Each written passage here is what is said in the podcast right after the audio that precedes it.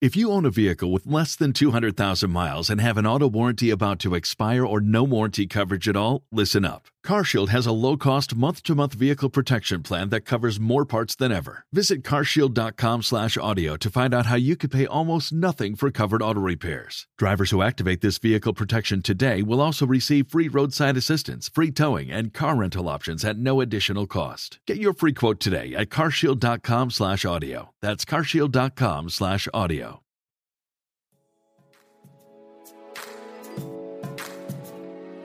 You're listening to the Sisters in Loss podcast, a faith based grief and loss podcast for Black women, where you will hear stories of miscarriage, infant loss, stillbirth, and infertility to learn there is a testimony in tragedy. You will learn how to heal, gain clarity, find hope and peace, and turn your pain into your purpose after loss. I'm your host, Erica M. McAfee. Well, thank you so much, Shalika, for being on the podcast. Thank you for having me, Erica. I appreciate it. I appreciate it. So, share with us a little bit about yourself and what you do. Okay, so um, my name is Shalika Bethel. Uh, my husband is Adrian Bethel. Um, I am a software engineer for a financial services company. Um, I've been doing that for about seven years. Background is heavy IT. I've kind of done some of everything in the field from databases to programming. So professionally, that that's a little bit about me. Outside of that, um, I'm just a homebody who loves my friends, loves my family, loves being with my husband. I'm still learning what my hobbies are. I had to give up softball. softball used to be a, a, dream of mine, but I got a little old and my knees were like, "No, girl, we're not doing this anymore." So um, I'm finding new uh, finding new hobbies. Absolutely. We all gotta find a hobby. I think I love I love I always tell people, girl, you need to find a hobby outside of your nine to five. Just yeah. to get your mind and to find joy in something else, you know? Yeah. So I love I love that. I love that you used to do softball. So now you gotta you gotta find another one and, you'll be on that journey. absolutely. Absolutely. So share with us your journey to motherhood and your lost story.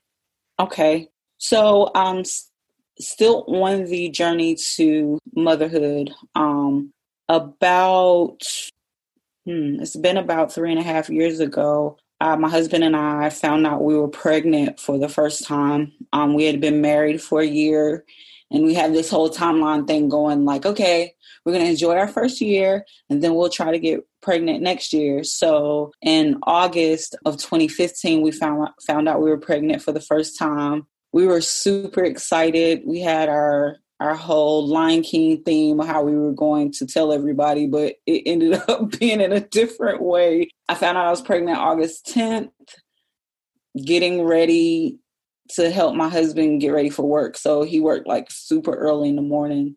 So I got up, got his lunch together. I had taken a pregnancy test, not because I was feeling anything. It was just so many people were asking us over the weekend and it got, you know, how things get in your head. I was like, I'm, I'm just to take one and, and be done with it. At that point, I wasn't even late. So I was like, I'm just to take it and be done with it. I took the test and leave it in the bathroom, go make my husband's lunch. And then he comes out of the bathroom like super melancholy, like and and my husband he's not always emotional so i was like okay what's what's wrong what are you what, what you okay and so he shows me the pregnancy test and boom we were pregnant from that point we scheduled our um appointments i didn't really have a a whole lot go on like i didn't i didn't deal with any nausea um i had around week 7 i had some early bleeding not a lot more, more so spotting um, we went to the doctor. They checked my HCG levels, and though they weren't increasing a lot, they still determined that the pregnancy was still viable and still going on normally. So um, we went in for our first OB at eight weeks. My son actually measured. I didn't know he was a son at the time, but he actually measured like a week a um, week behind. So it was saying that it, I was seven weeks when I was actually eight weeks pregnant. But outside of that, the doctors weren't concerned about anything, and I just went on as normal. Around what would have been my 15th week of pregnancy, I had gone to the fair like earlier that week. And I did notice that afterwards I'd had a super large headache, but I thought I was stressing. So I didn't really take too much note of it. And then a few days later, I'd gone to work uh, because my manager was in town. I so part of my story is that most of the time I'll work from home when I can.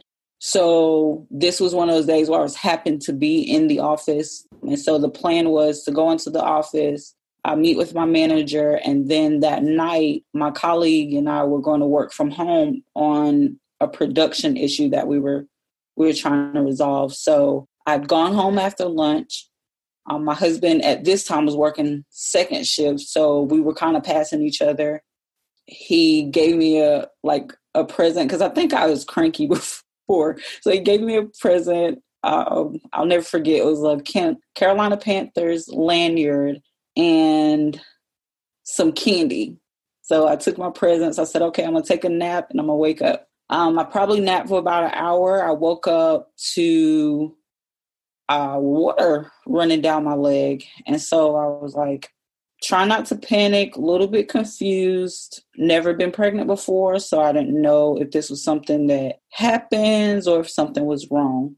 I went to the bathroom and I noticed that when I would use the restroom, I would hear a pop so, still trying not to panic, but knowing that, okay, this might not be normal. Um, I started texting some people that are I'd gone to church with, and I was saying, "Hey, my husband's at work. Something's weird going on. I may need someone to come over." So at that point, my pastor at the time had called and said, "Hey, Shalika, what's going on?" So I was telling her what was going on, and she said, Are you bleeding? I said, No. But when I got up to walk to my sink area, I felt something uh, hanging between my legs. So I quickly ran back to um, I ran back to the toilet and I was like, I don't know what this is and I'm afraid to look. So she said, Go ahead and call 911. I called 911 and told them what was going on. And I told them, I said, listen, I'm home alone. My husband's at work. I'm deathly afraid to get up and do anything else. At this time, we were living in our apartment. I said, you guys are going to have to contact my leasing office to get someone to let you in because I can't get up. Not, I'm not hurting, but I'm afraid. So they were able to get up with the maintenance guy. They um, got up to my apartment, and when he had me stand up, he confirmed that it was my baby. I believe I passed out. I'm not sure for how long I'd passed out for, but I remember that I felt really, really weak. And I woke up to vomit. And I was like, okay, guys, what's going on? And they were saying, you're in shock. We're getting ready to take you to the hospital. Um, we did confirm that it is indeed a fetus.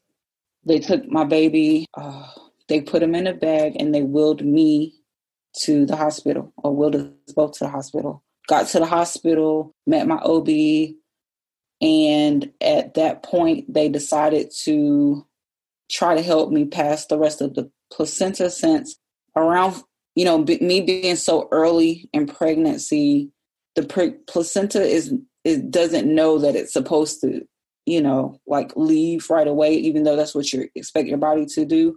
So they tried it manually, and eventually gave me a D&C. In the midst of that process, um, so many decisions had to be made very quickly. They asked us if we wanted to see the baby. And because of my fear of what my baby could look like, what I'd already saw, my husband and I, uh, we adopted to not view our child. So they did the D&C, they sent us home. And from that point on, I was not the same person. I remember being super strong in the hospital, or not even in the hospital, but on the way to the hospital because I knew that my husband would freak out and I wanted him to be okay. It was like out of body. I knew it's like my mind knew my child was gone. And all I could think of is I have to protect my husband and make sure he's okay. I have to let my mom know because she's expecting to be a grandmother. And I really wasn't thinking about myself. It was just like, okay, I have to make sure everybody's good. But from that day, I was never I was never the same person. We had different ways we were grieving. Um, we didn't quite understand how the other one was grieving because we were so fresh and so raw. Sometimes, or I would say not we, I was so fresh and so raw. Sometimes when the option is to be politically correct and answering a question, I would just be brutally honest. Listen, I just lost my baby. I'm confused about life. Okay, I, I I'm not, you know, I'm not that normal Shalika you want me to be. I am trying to navigate who I am after what has just happened and the the trauma associated with that. I went to therapy right away, but I I kind of did the three times with your EAP plan, and then I felt like, okay, Shalika, you can you can try this again. So um, my husband and I agreed to try to get pregnant. Or let me back up some. So in the midst of that period, three weeks after we lost our baby, I had asked my doctor what was, you know, the baby's gestation could you tell what the sex was? I had Googled so much, like I drove myself crazy with Google, and I I looked and I would I'd said, okay, well, maybe they can't tell me exactly the gestation, but at 14 weeks, you should at least see something. Is there some tests? And her only answers to me that time was the baby was somewhere between 12 and 14 weeks. And they they couldn't tell me the gestation. Not being okay with that answer, three weeks later, I emailed her and, and said, Listen, my husband and I are trying to find peace with what has happened. Can you please provide more information? Are you sure you don't know what the gestation was? Are you sure you don't know what the sex was? And that's when she said, um, You had a baby boy based on, I forgot how she put it, but based on the genitalia area, um, we believe that you had a baby boy. That's how she put it. And that his gestation was 14 weeks. So it pretty much confirmed that I was indeed 14 weeks pregnant, but I just didn't know what the sex was of my baby. So at that point, my husband and I decided to name our, our boy Amari, Amari Shane, which Amari means strength. And we came up with that because I I literally told him that was the the strongest time we I felt in my in my entire life. And then from there, the Shane came from my, my brother's name is Shane, and I I'm I'm just obsessed with his name. And I believe that Shane means, if I'm not mistaken, um, either God is with me or God is strong. I used to know it by heart, and it's crazy how details leave you. But that was Amari Shane, and we decided that not only would we try to get pregnant again, but we will also celebrate him on what would would have been his due date. So fast forwarding into 2016, we tried to get pregnant again. We ended up getting pregnant in March, but I found out in April, the week after my birthday, April the 13th. Amari's due date was April 23rd. So it was like, ah, okay, we're getting a present for Amari's due date and it's going to soften the blow a little bit. So on April 23rd, which would have been Amari's due date, we had a memorial ceremony of sorts. We invited his parents, my parents, some friends of ours.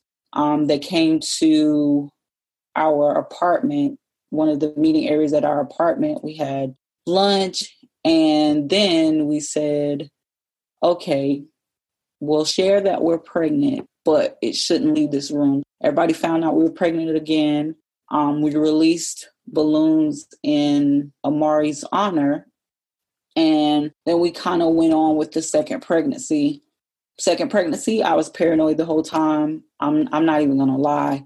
I, you know, I changed OBs because I was still kind of irritated that I couldn't get straight answers the first pregnancy. And then the second pregnancy, or before the preg- second pregnancy, I was told that they would do uh, genetic testing where they would test the baby um, at 12 weeks. They would look at the baby's neck and they would test my blood for any abnormalities. But when I you know, told them I was pregnant and and asked them, okay, so at 12 weeks, this is what we're going to do. The response was like, oh no, you have to go through a second loss before we consider that, you know, that particular testing. And I'm like, no, I, that's not the answer you gave me before. And because I'm one of those people where my short term memory, I don't always remember conversations well. When it's something I really need to know and refer back to, I'll record the conversation is you know like for doctors appointments and things of that nature i'll record the conversation just so if i miss any detail i can go back and refer to it. And when i went back to that recording she did and say she did indeed say that we would we would have this testing. So i said okay this is really frustrating.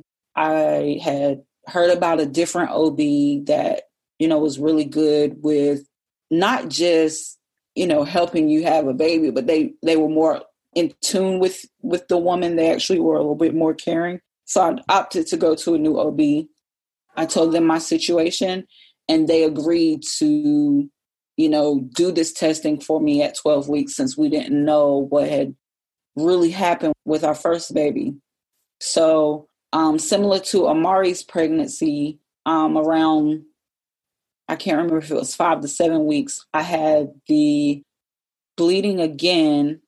However, this time my HCG levels were super high. So I was like, okay, I'm really encouraged. Things are are looking well. They advised that we abstain from sex for a while just so my cervix so so my cervix wouldn't be so easily irritated. And they were also good about, you know, anytime I was nervous about anything, they would let me come in right away. So I remember before having my first official OB appointment, I had come in, I believe it was, so the bleeding was five weeks, I'm sorry. So I came in at seven weeks and they, you know, looked at the baby, confirmed that I was okay. And then two weeks later, I went in for my official OB appointment anytime I wanted an ultrasound, they gave me one. I had like seven or eight ultrasounds before it was all over with. But their plan um, was 12 weeks again. They would do this genetic testing. We went in at that 12 weeks. And the funny thing about that was, again, I had no idea what I was having. I was banking on a girl because, you know, most moms want girls. And so when the ultrasound tech did the test, she started, you know, checking all, you know, checking his neck and then they they checked, you know, all his his different body parts. And then she closed in between his legs and she said, It's too early to officially say, but if you don't have any boy names, you might want to come up with some. So I found that super funny. My husband and I laughed, and I remember having a dream about sunshine. And I was like, well, I can't name my child sunshine. I'm like, that's weird. So after doing some research over what would mean sunshine or some, something related to light or anything of that nature, we came up with the name Aiden. And we said, just in case it's a boy, we'll name him Aiden Zahir, which Aiden means a uh, little fiery one. And then Zahir, gosh, again details. I can't remember exactly what what Zahir means, but it was related. And my husband thought the name was beautiful, so we went with that. Around week 14, we had another checkup. They told us everything looks good. We know that you're nervous because you lost the baby at 14 weeks last time. So, what we want to do for you is when you come back for your 16 week appointment, we will check, you know, begin to check your cervix and just see how things are progressing. So, we said, okay. We came back at 16 weeks and really, really nervous. This particular practitioner was really quiet. So we were just like, okay, as long as he doesn't say anything or, you know, makes a weird face, I guess everything is fine.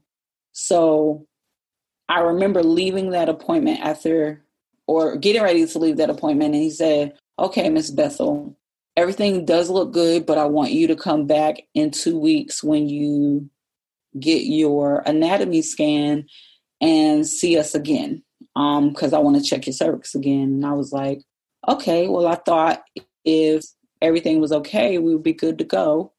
That's what I was thinking. I didn't say it out loud, but I just said, okay, we'll we'll schedule that appointment too. I looked at the aftercare instructions online and I had noticed that the length of my cervix was a lot shorter than what Google had said that it should be at that gestation. But I said, okay, Shalika, you've been freaking out this whole pregnancy. Let's not freak out about this. Let's make the appointment for the next for your anatomy scan. Just make the next appointment to see your doctor and go from there. However, two days later, I began to feel pressure at the bottom of my stomach. And I was trying not to freak out but as it progressed all day long, I realized, okay, something's really wrong. Uh, let me let me go find out what's going on. So around this this was July, so around 1 a.m. on July 16th, I went to the emergency room and said, Hey, can you guys just check me out? I'm feeling some pressure in the bottom of my cervix. I'm about 16 weeks pregnant.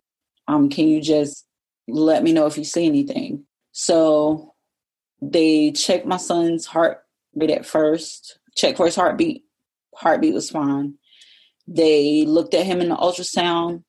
As always, he was moving. He was he was his normal, just like he was just moving a lot. So she said, she said, Mrs. Bethel, let me check your cervix. So I said, okay. She said, I can't see your cervix.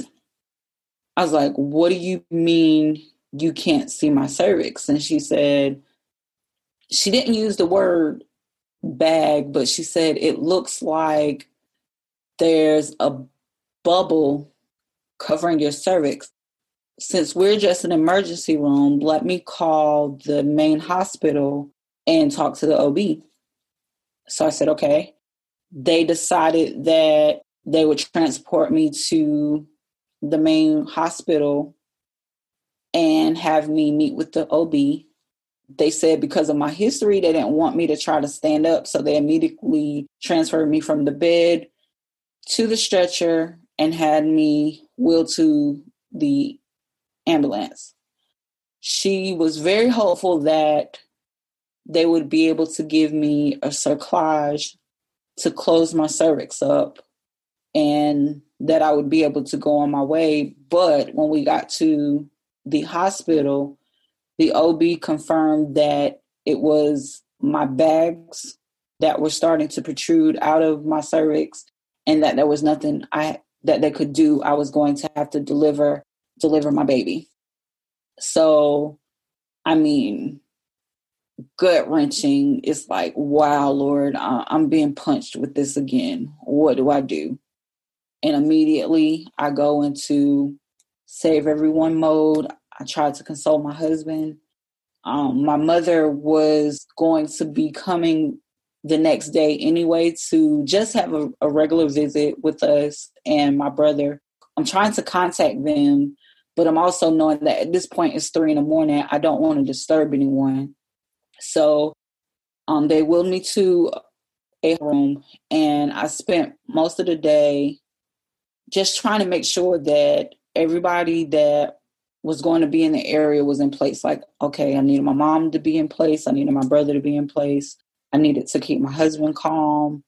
they told me that I didn't have to rush, that whenever I was ready to be induced, they would induce me. But I was like, I can't be induced until I know my mom's here and my mom's safe.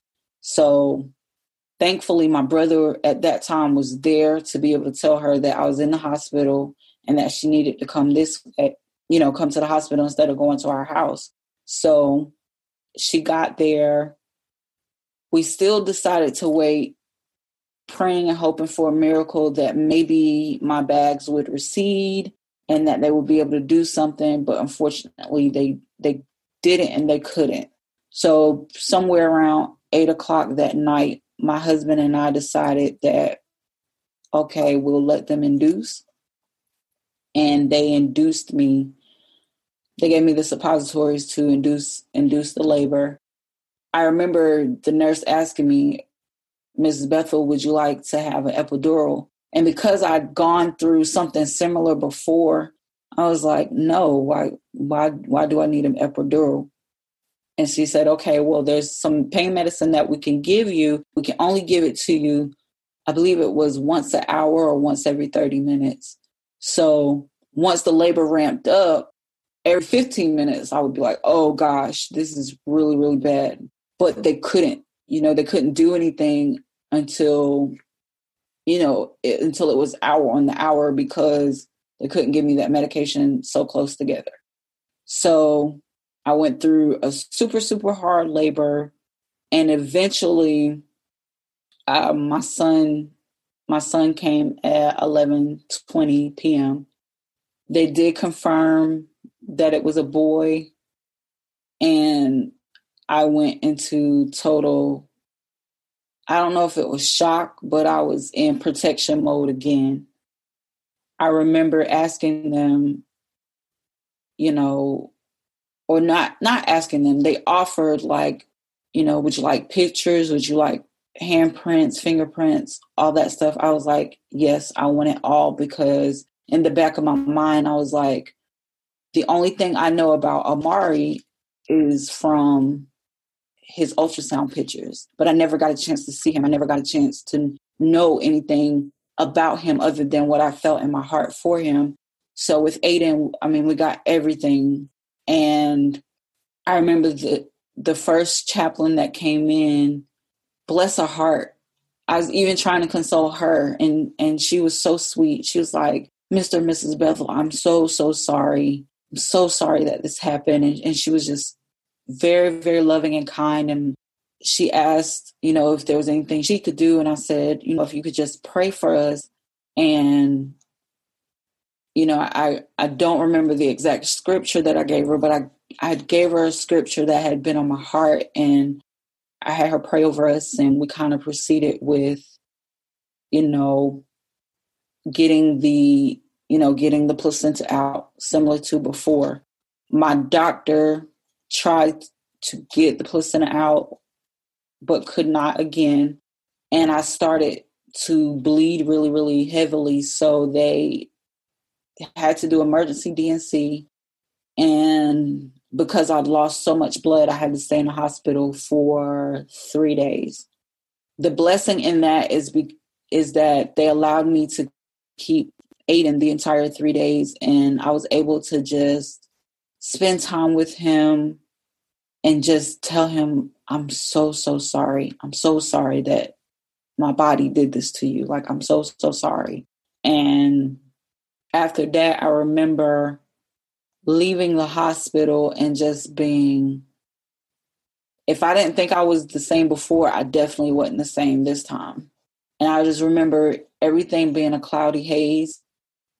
We definitely weren't grieving in the same way this time. Um, the trauma hit my husband a little bit harder because when I gave birth to Aiden, he saw Aiden alive. I didn't see Aiden alive. So, you know, watching, you know, watching your baby kind of fight for his life, it it really took a toll on my husband.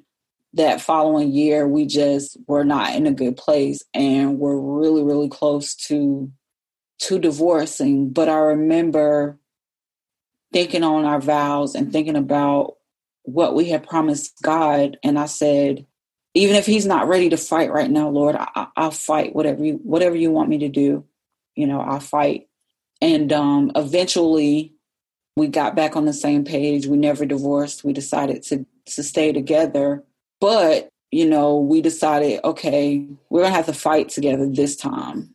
We started going to counseling, and as a matter of fact, we still go to counseling just so we can kind of relearn things about each other, relearn things about you know, sometimes when you just get married and you have so much trauma happen to you in a course of time and you haven't quite learned each other in marriage, it can be like super, super tough. But I'm happy to say, though we don't have living children, we, you know, we're we're still fighting for us. And then, you know, also trying to, you know, work on having having a family because that's something that we we were we were always 100% on the same page about we want to be parents we want to you know we we want to we want to share that part of ourselves with with the living child so yeah that's that's pretty much the story of the losses in and of themselves Today's episode is brought to you by BetterHelp.com. That is better, H E L P.com. Is there something interfering with your happiness or preventing you from achieving your personal goals? BetterHelp will assist your needs and match you with your own licensed professional therapist. You can start communicating in under 24 hours. It's not a crisis line, it's not self help, it is professional counseling done securely online. There's a broad range of expertise in BetterHelp's counselor network, which may not be locally available in many areas. This service is available for clients worldwide. You can log into your account anytime and send a message directly to your counselor. You'll get timely and thoughtful responses, plus, you can schedule weekly video or phone sessions so you won't ever have to sit in an uncomfortable waiting room as with traditional therapy. BetterHelp is committed to facilitating great therapeutic matches so they make it easy and free to change change counselors if needed. BetterHelp wants you to start living a happier life today. Visit their website at betterhelp.com slash sisters. That's better, H-E-L-P, and join the over 500,000 people taking charge of their mental health with the help of an experienced professional. There's a special offer for our listeners. For Sisters in Loss listeners, get 10% off your first month at betterhelp.com forward slash sisters. I am so excited for you all to tune into BetterHelp as I've been using it for the last four weeks and I absolutely love the counselor that I was matched with. You can also choose a counselor that specifically works with African American patients or is African American themselves, especially if you're looking for someone who can relate to your cultural experiences as you're going through grief, loss, and healing. Once again, the website to get 10% off is betterhelp.com forward slash sisters better, H-E-L-P dot com forward slash S-I-S-T-E-R-S.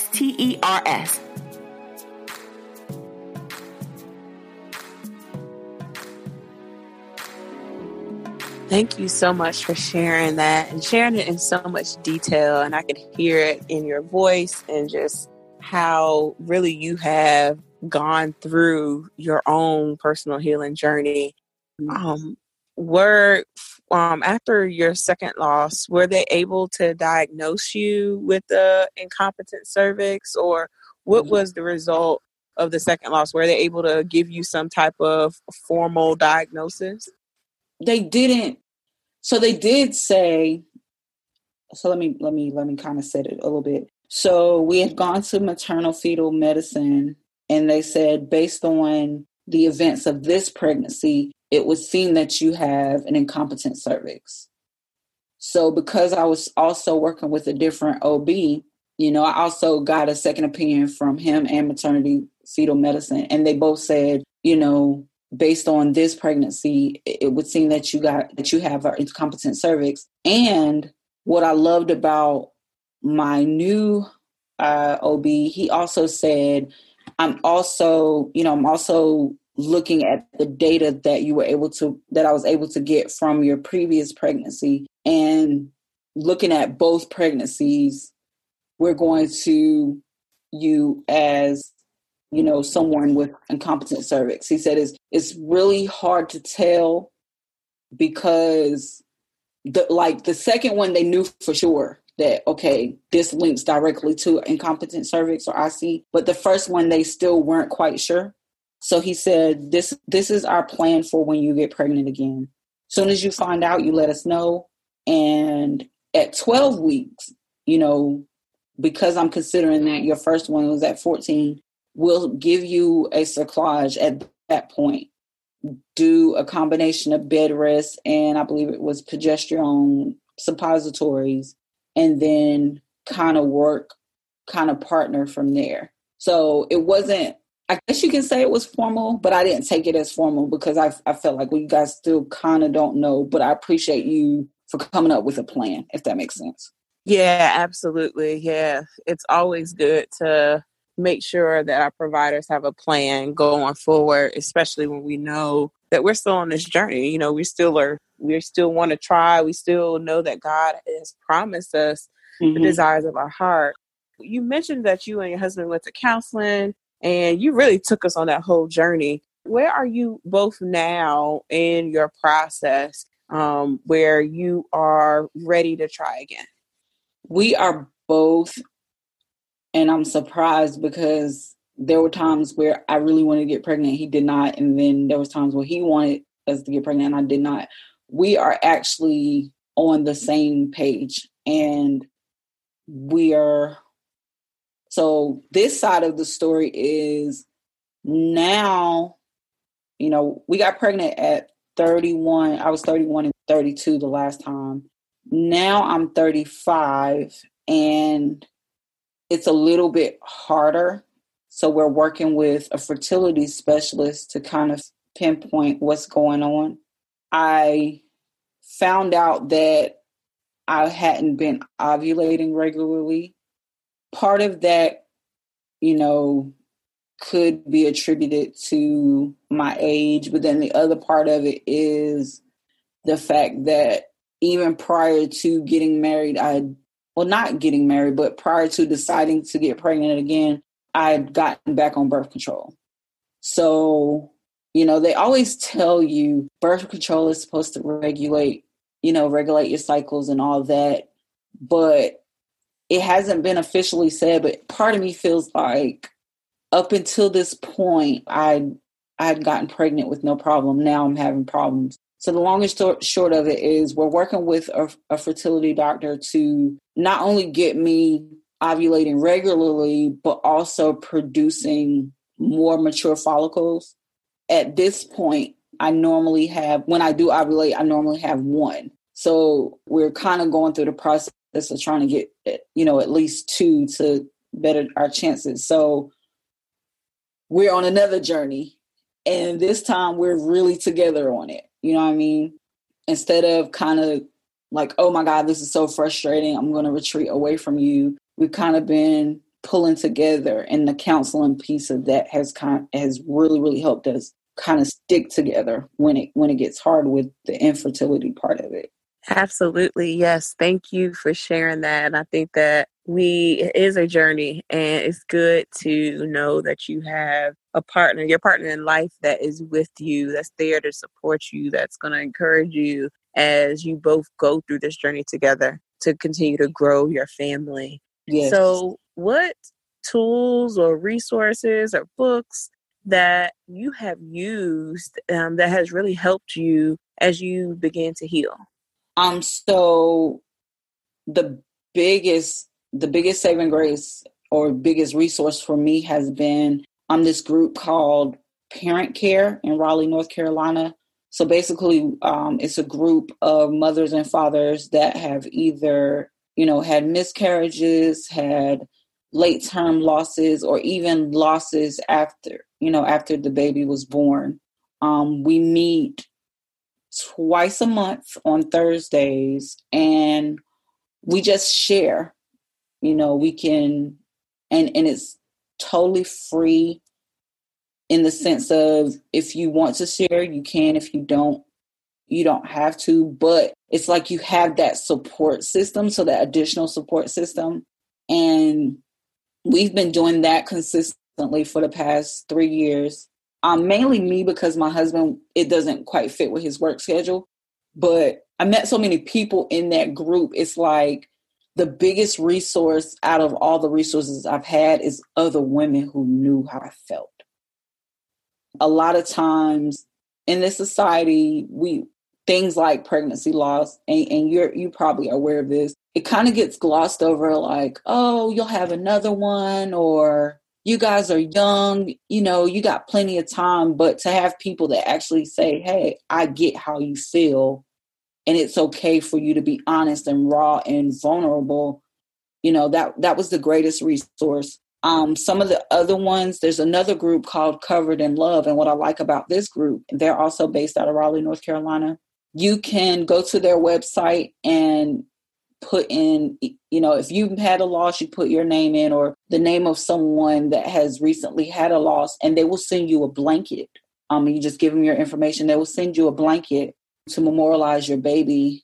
And that you know i have two and and that has always you know when i look at those that's been really good. Hope for the mourning is another resource. Um they're online community but you can put your information there and they'll send you a care package especially and it's really good for people who are new in loss like the first couple weeks because what they do is they send you not only books and different resources but they also send you gift cards so you can get meals like from i think ours came from like olive garden and, and chipotle and that was a life send because I mean, that was heaven sent because that week it was it was really really hard to kind of get up and cook and you know and and do what you would normally do. So Hope for the mourning is good. Empty Cradle is a book by Pam Vril. I think it's Vril Debt, but that talks about the different uh, stages of pregnancy loss and it, it really deals with her journey and i found that to be really really healing and helpful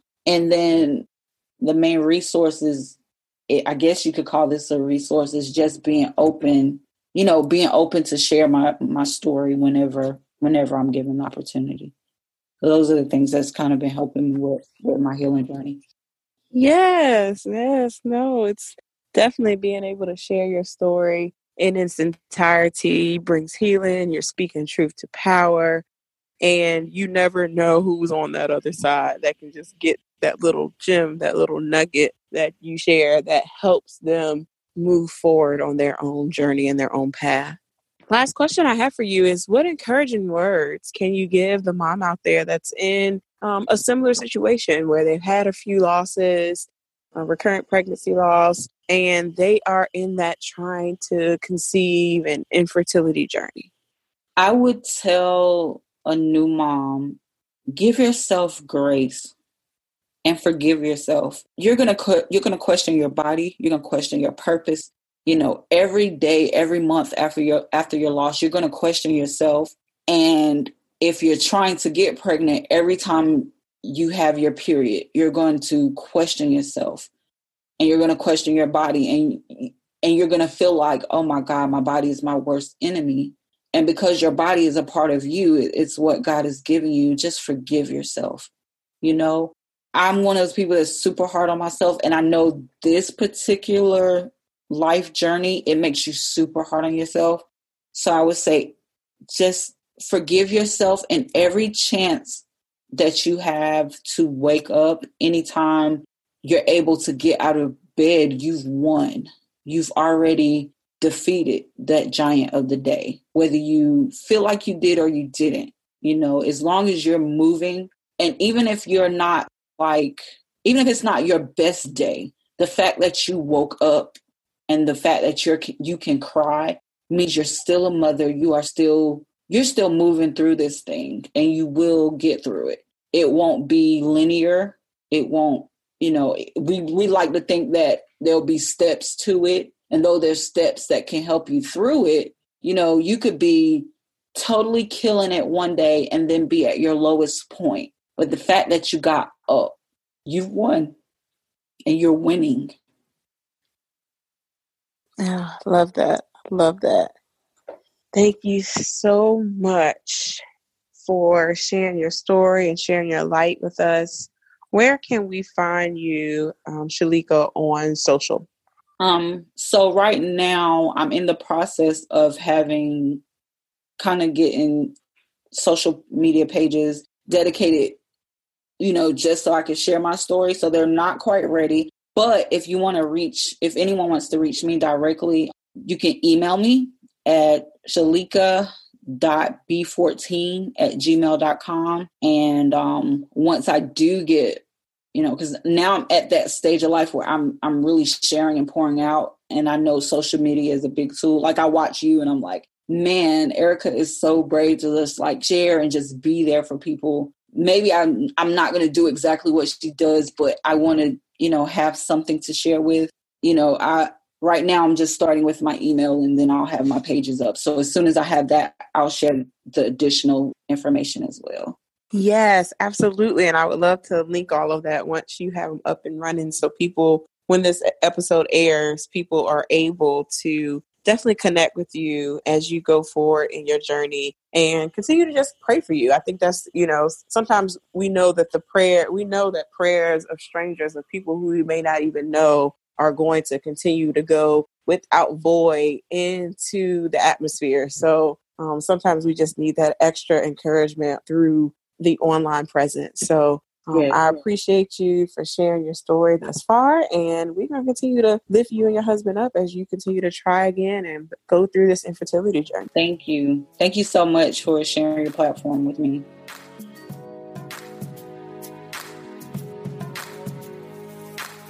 Thank you so much for listening to today's episode. For show notes and more information on today's guest, go to sistersinloss.com.